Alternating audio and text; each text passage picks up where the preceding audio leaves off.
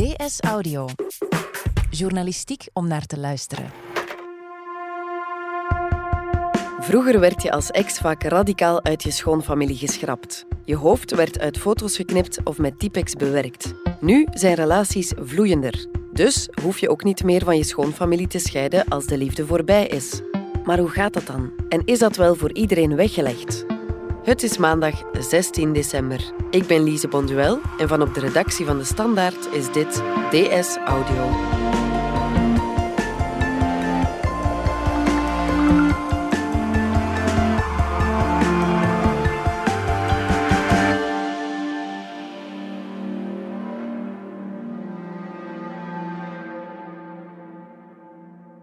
Kaat Schouwbroek, freelance journaliste bij De Standaard.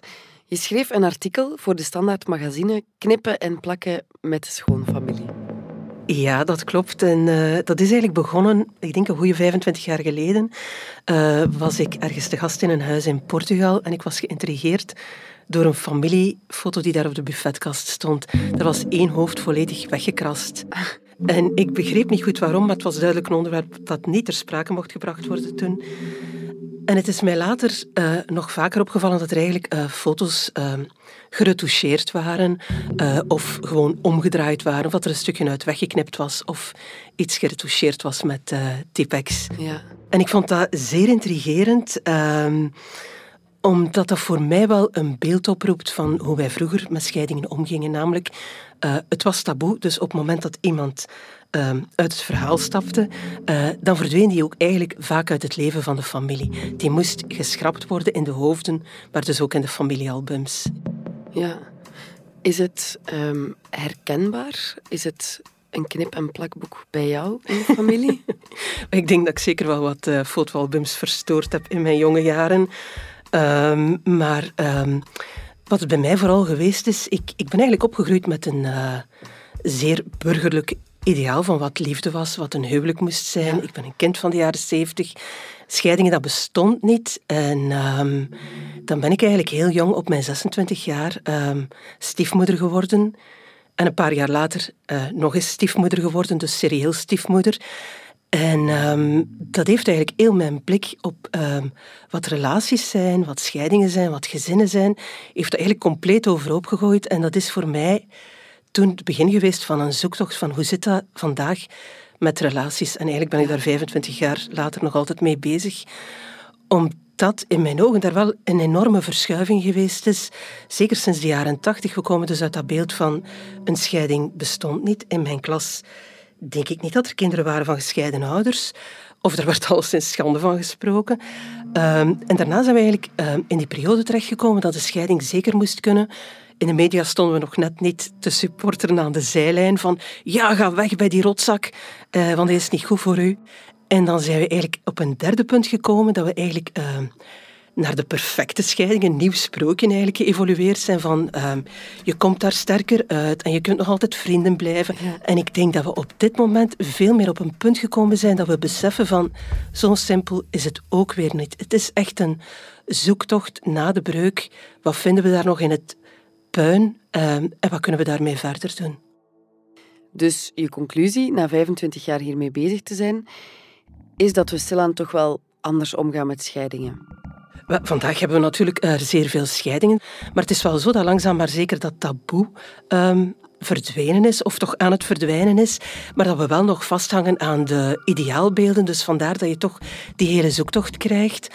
Uh, maar net omdat scheidingen vaker voorkomen, uh, vragen mensen zich wel af van hey, die uh, ex-schoonfamilie, die ex-schoonvader, ik kwam daar wel goed mee overeen. Of die ex-schoonzus, ik vond dat wel tof om daar eens mee ehm, ja, in de natuur te gaan wandelen of zo.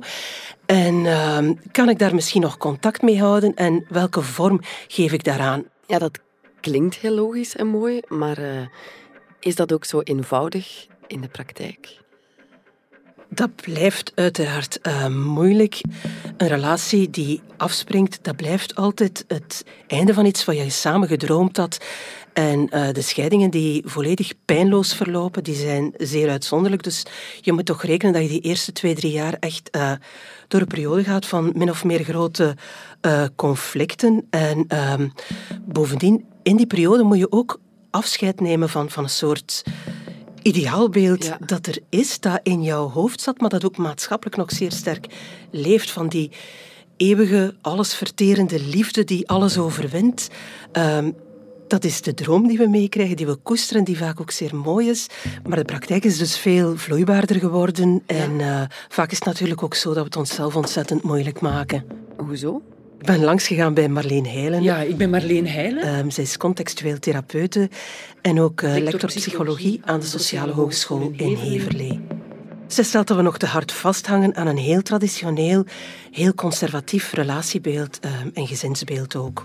Ik denk inderdaad dat we de periode na de Tweede Wereldoorlog, dat men heel sterk uit noodzaak heeft moeten denken in termen van we moeten het nu zo veilig mogelijk houden, dus we gaan huisje, tuintje, boompje, beestje maken. Terwijl relaties vandaag natuurlijk dus vloeibaarder geworden zijn, uh, het zou veel ellende voorkomen als de maatschappij uh, dat ook kon aanvaarden en mensen ook kon helpen, mee ondersteunen in het aanvaarden van het proces waar ze zelf doorgaan. Dus als die vloeibaarheid veel duidelijker wordt en men spreekt niet meer over breuk, maar veel meer over dat samen gaan en ook samen doorgaan. Hè? Dan denk ik dat er veel minder miserie zou zijn in nu zo die breuk. We noemen dat uh, uh, mix en match. Het mix en match proces. Dus dat betekent dat mensen matchen. Uh, je loopt een eindje samen door het leven. Ik vind een match tot op een bepaald moment dat die match niet meer matcht. Je bouwt een verhaal dat al dan niet eindig is. En als het stopt, dan zal je vroeg of laat misschien ook een uh, verhaal beginnen met iemand anders. Dat is dan de mix die je maakt. En dan kan ieder op zijn beurt opnieuw een match vinden. En die dan op zijn beurt weer terug kan mixen. Dat is de realiteit die we nu beleven. Uh, maar dus als maatschappij blijven we vasthouden aan dat ideaal van relaties die voor uh, eeuwig zijn. Je komt iemand tegen, de bliksem slaat in en je bent betoverd voor de rest van je leven. Um, maar het die spanning die leidt tot veel ellende. Um, want mensen voelen zich echt op dat moment mislukt. Omdat ze niet waargemaakt hebben waar ze van droomden. Uh, en dan krijg je dus uh, zeer pijnlijke relatiebreuken. Um, conflictscheidingen waar maar geen einde aan komt. En mensen lopen daar helemaal in vast. En nu zie ik dat heel veel mensen zich opsluiten in dat Ah, gematcht. Dakje erop, gedaan. En dan krijg, je, dan krijg je pas uitwassen dat dan langs het achterhekje, dat men dan van alles gaat doen. Oh, oh, rap terug naar dat hekje. Oh, niks gebeurt. Oh, oh, oh. Ja, dat is kwatje, dat is flauwekul. Hè. Terwijl Marleen Heijlen zegt dat je daar ook anders naar kunt kijken. Uh, je zou kunnen zeggen, ja, na het nodige verwerkingsproces natuurlijk. Maar je zou uiteindelijk kunnen zeggen, dit gezamenlijke project waarin wij een relatie hadden, waarin wij kinderen hebben gekregen die we graag zien, uh, dit stopt. Uh, maar de geschiedenis die we samen geschreven hebben, die heeft nog altijd daar waarde.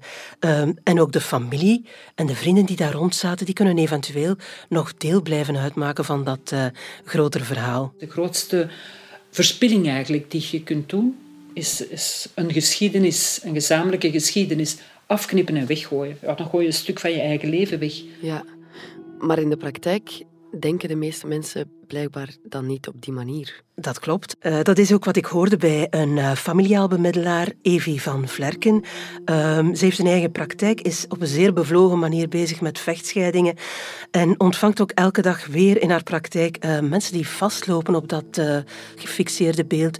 Dus dat beeld van je komt elkaar tegen, je geeft elkaar je ja-woord, dat is een belofte voor het leven. En als je dan uit elkaar gaat, dan is dat een mislukking. Mensen die hier terechtkomen zijn vaak mensen die vanuit dat beeld, het ideaal voorgeschreven beelden, hier zitten. En dat ze mee geconfronteerd worden dat dat niet werkt. In de praktijk is het nu eenmaal zo dat veel mensen scheiden of uit elkaar gaan. Um, en ook daar is het voor de mensen dus nog altijd een zoektocht van hoe gaan we dat nu aanpakken in de praktijk. Niet alleen naar onze kinderen toe, maar in het algemeen dat het ook oké is voor ons en voor de mensen rondom ons. Een scheiding blijft niet binnen vier muren. Hè. Een scheiding heeft effect op vrienden, buren, schoonfamilie, echt, uh, familie. Noem maar op. Met welke vragen komen mensen dan bij haar aankloppen? Dat zijn heel verschillende vragen natuurlijk. Nu, dat is een, een, een zeer uh, heftige periode voor veel, veel mensen. Hè. Kerstfeest, nieuwjaar, nieuwjaarsbrief. Ah, de kinderen zijn bij de mama met nieuwjaar. Mogen ze naar oma en opa langs papa's kant om de nieuwjaarsbrief gaan voor te lezen. Kunnen we daar gaan oudjaar zingen. En wat is haar advies daar dan op? Wel, Evie van Vlerken zegt uh, zeer wijselijk... Ik geef geen advies. Dat is mijn favoriete advies, omdat je niet zomaar met gouden tips wegkomt bij een scheiding. Um, wat ze wel zegt is, laten we rond de tafel zitten um, en proberen te zoeken wat voor iedereen werkt. Wat werkt, dat werkt. En vooral, laten we daar tijd aan geven. En je kunt niet verwachten dat dat dan van dag een op dag ander terug een, een nieuwe constructie is, dat moet groeien. Die emoties moeten zakken. Het is nu waarschijnlijk niet het goede moment om nog snel, snel uit te zoeken wat we voor 2019 met kerstmis gaan regelen. Als mensen nu die vragen stellen, dan vinden ze al dat ze een oplossing moeten hebben voor kerstmis 2019. En dan zeg ik heel vaak, misschien moeten we eens kijken naar kerstmis 2020. Het kan een goed idee zijn om al eens te kijken van hoe gaan we dat in 2020 uh, eh, proberen aan te pakken, zodat het voor iedereen juist voelt. Mhm. Kunnen we dan bij manier van spreken straks allemaal pannenkoeken gaan eten met de ex-schoonfamilie? Nee, zo utopisch is het nog niet. En dat uh, hoeft ook helemaal niet. Ik vind dat echt ontzettend belangrijk dat we stoppen met sprookjes te creëren van... Ik weet dat het in de praktijk gebeurt dat mensen nog allemaal gezellig samen onder de kerstboom zitten met die ex en met heel die familie daarbij. En het is mooi als dat nog kan, maar laten we alstublieft geen nieuwe modellen opleggen over de perfecte scheiding. Uh, in de praktijk blijft het voor iedereen een hobbelig parcours. En ik denk dat er maar één regel is, dat is laten we samen zoeken naar wat haalbaar is en ook naar wat draaglijk is. De rekening mee houden dat je die eerste twee, drie jaar vaak nog met enorme kwetsuren zit. Uh, en dat het dus gevoelig zal liggen wie er nog met wie contact zal houden. Ja. En zeker in zo'n beladen periode als de kerstperiode. Want uh, wat zijn de uitdagingen waarop koppels stuiten? Jawel, ik denk dat we het eventjes heel concreet gaan moeten maken met een voorbeeld. Dat is uh, wel te verstaan een fictief voorbeeld uh, van Paul en Marijke. Bijvoorbeeld, Paul en Marijke zijn twintig jaar getrouwd.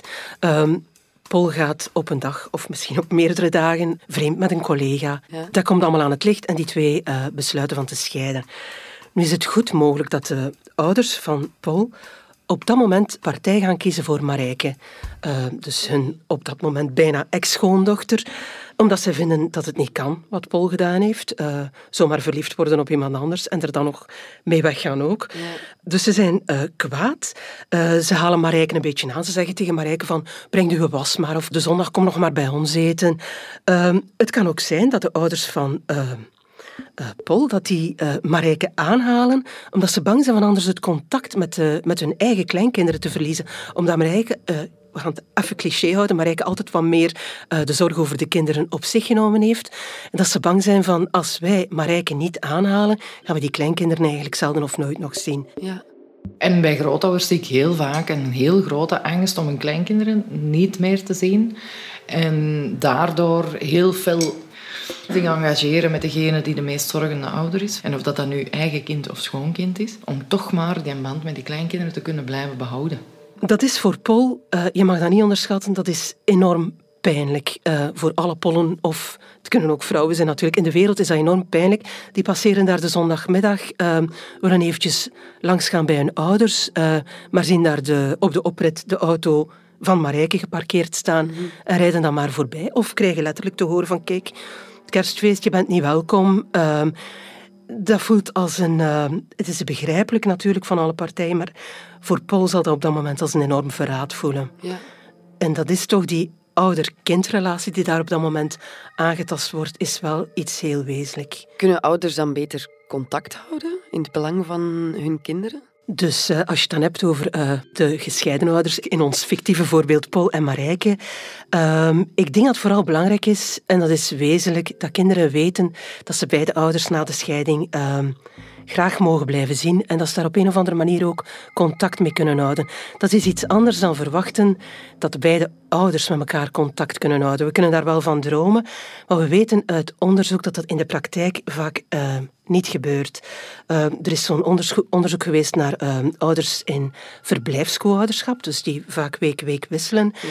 En zelfs daar ehm, blijkt dat één op de drie ehm, eigenlijk geen contact houdt met elkaar over de opvoeding. Dat ze dus zelden of nooit met elkaar praten.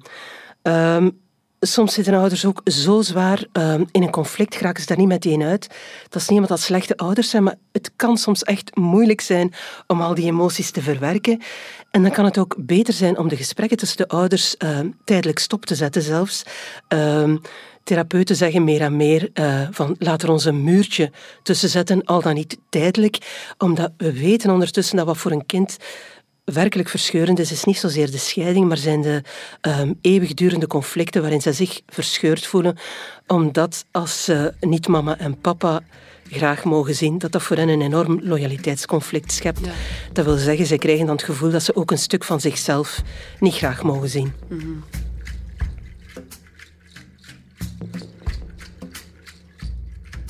Je zei het al, er is veel veranderd sinds de jaren zeventig in hoe we tegen scheidingen aankijken. Hoe zie je dat verder evolueren, die band met de ex-schoonfamilie? Zitten we binnenkort met een pak exen rond de tafel of is dat te optimistisch? Ik denk dat dat te optimistisch is. Ik vermoed, wij kunnen alle twee niet in de glazen bol kijken, hè, maar ik vermoed dat het een hobbelig parcours zal blijven, omdat er nu eenmaal liefde en grote emoties mee gemoeid zijn. En op zich is dat misschien ook wel mooi dat we niet alles zo losjes afhandelen van next, next. Mhm. Het is geen sprookje dat we schrijven, het is de werkelijkheid. Dus we hoeven daar niet allemaal samen te zitten. Maar ik denk dat wel belangrijk blijft, ik heb het eerder ook al gezegd, dat je toch rekening houdt met elkaar uh, en dat je ook weet dat het een tijdje een mijnenveld kan zijn. Dat geldt dus ook voor alle ouders, uh, broers, vrienden enzovoort, uh, die daar rond zitten. Zij moeten eigenlijk ook de rekening mee houden dat uh, de stappen die zij zetten, dat die gevoelig kunnen liggen. Dus als bijvoorbeeld, uh, we gaan even terug naar Paul en Marijke, als uh, Marijke een ex-schoonzus heeft die nog met haar wil afspreken, of Paul wil misschien nog afspreken met de broer van Marijke, dat zij dat toch eventjes laten weten. Dat ze er niet zomaar van uitgaan dat dat oké is. Ja. Ik denk dat een van de dingen is van uh, doe niks achter de rug om. En een tweede is zeker ook van ga niet te hard uit van principes. Zo van zij of hij gaat mij toch zeker niet vertellen met wie ik nu nog contact mag houden na de scheiding. Strikt genomen en taaltechnisch genomen zal dat wel zo zijn, maar uh, het brengt je eigenlijk uh, niet zoveel verder. Ja.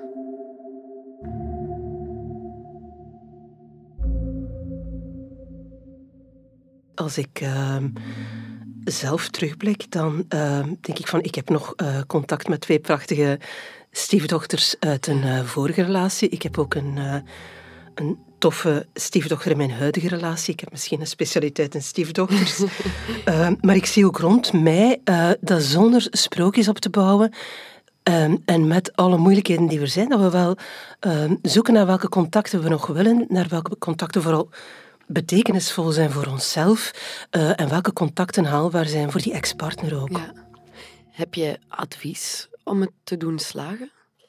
Ik heb zelf geen advies, ik ben geen uh, relatietherapeute, maar wat ik wel hoor uit gesprekken, wat uh, Marleen Heilen bijvoorbeeld zegt, is als je uitgenodigd wordt op een uh, familiefeest of om even bij je ex-schoonouders, die woorden ook, binnen te springen, moet je misschien niet alleen de beslissing leggen bij je ex, uh, maar ook bij degene die jou uitnodigt.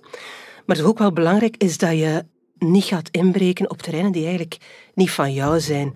Um, als Paul vroeger nooit enig contact gehad heeft met de zussen van Marijke of met de broer van Marijke, moet hij daar nu plots niet ook beginnen naar bellen of zo van gaan we nog eens afspreken. Ja. Uh, want ja, het is zo'n beetje van pik elkaars vrienden en elkaars broers en zussen ook niet in, want op den duur kan dat een vorm van stalking worden.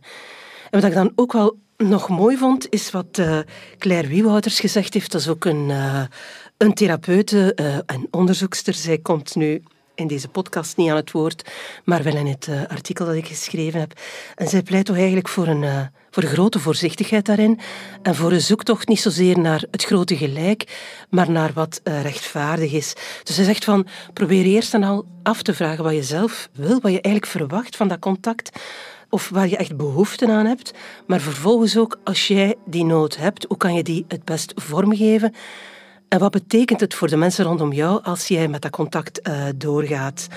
Um, stel bijvoorbeeld, uh, dan Pol, daar gaat hij weer nog bij die schoonzus wel langs gaan. Uh, wat betekent dat dan uh, voor de relatie um, tussen Marijke en die schoonzus? Mm um, pas als je dat soort vragen naar boven haalt, uh, kun je echt zoeken naar, naar een passende vorm van contact. Dus, en dat zegt nog eens Claire Wiewouters, het is echt maatwerk, het vraagt enorm veel zorg. Dus het is inderdaad niet in algemene regeltjes te gieten. Ja, het is echt een zoektocht. Het is zeker en vast een zoektocht, uh, maar ik denk wel dat die zoektocht uh, de moeite loont. Het is toch fijn als je 10, 20, 30 jaar met iemand samen geweest bent, al dan niet de hele tijd gelukkig. Maar het is toch fijn om te weten dat je alles wat je samen doorgemaakt hebt of samen opgebouwd hebt, dat je dat overboord hoeft te gooien. Uh, je hoeft jezelf niet te amputeren uit een verhaal, zoals we bij die foto's gedaan hebben aan het begin uh, van het verhaal. Ik vind het vooral hoopgevend dat we nu die vraag eigenlijk durven te stellen van willen we nog contact? Kunnen we nog contact houden? Is het nog haalbaar? Uiteraard stellen we die vraag al heel lang als het over uh, de kinderen van gescheiden ouders gaat. Maar die vraag gaat dus eigenlijk uh, veel breder. En ik denk dat dat zoeken heel erg bij onze generatie hoort. Bij onze generaties, moet ik zeggen. Maar vooral bij onze manier van leven nu. Uh, en ik vind dat zoveel rijker om het zo aan te pakken dan uh, te leven in die algemeenheden van we doen het zo omdat het nu eenmaal zo is en omdat het altijd zo geweest is. Bedankt, Kaat Schouwbroek. Graag gedaan, Lise. Dit was DS Audio. Wil je reageren? Dat kan via dsaudio.standaard.be. In deze aflevering hoorde je Kaat Schouwbroek en mezelf, Lise Bonduel. Wouter van Driessen deed de eindredactie, Joris van Damme de audioproductie. Brecht Plasgaard schreef de muziek die je hoorde in deze podcast. Chef audio is Wouter van Driessen. Vond je deze podcast interessant? Weet dan dat je er elke werkdag één kunt beluisteren. Dat kan via de DS Nieuws app of via standaard.be-audio. Je kunt je ook abonneren via iTunes, Spotify of de podcast-app van je keuze. En als je daar dan toch bent, schrijf gerust een review. Zo toon je ook anderen de weg. En ben je benieuwd naar een abonnement op onze krant? Surf dan zeker eens naar standaard.be-voordelig. Daar vind je onze aanbiedingen. Morgen zijn we er opnieuw.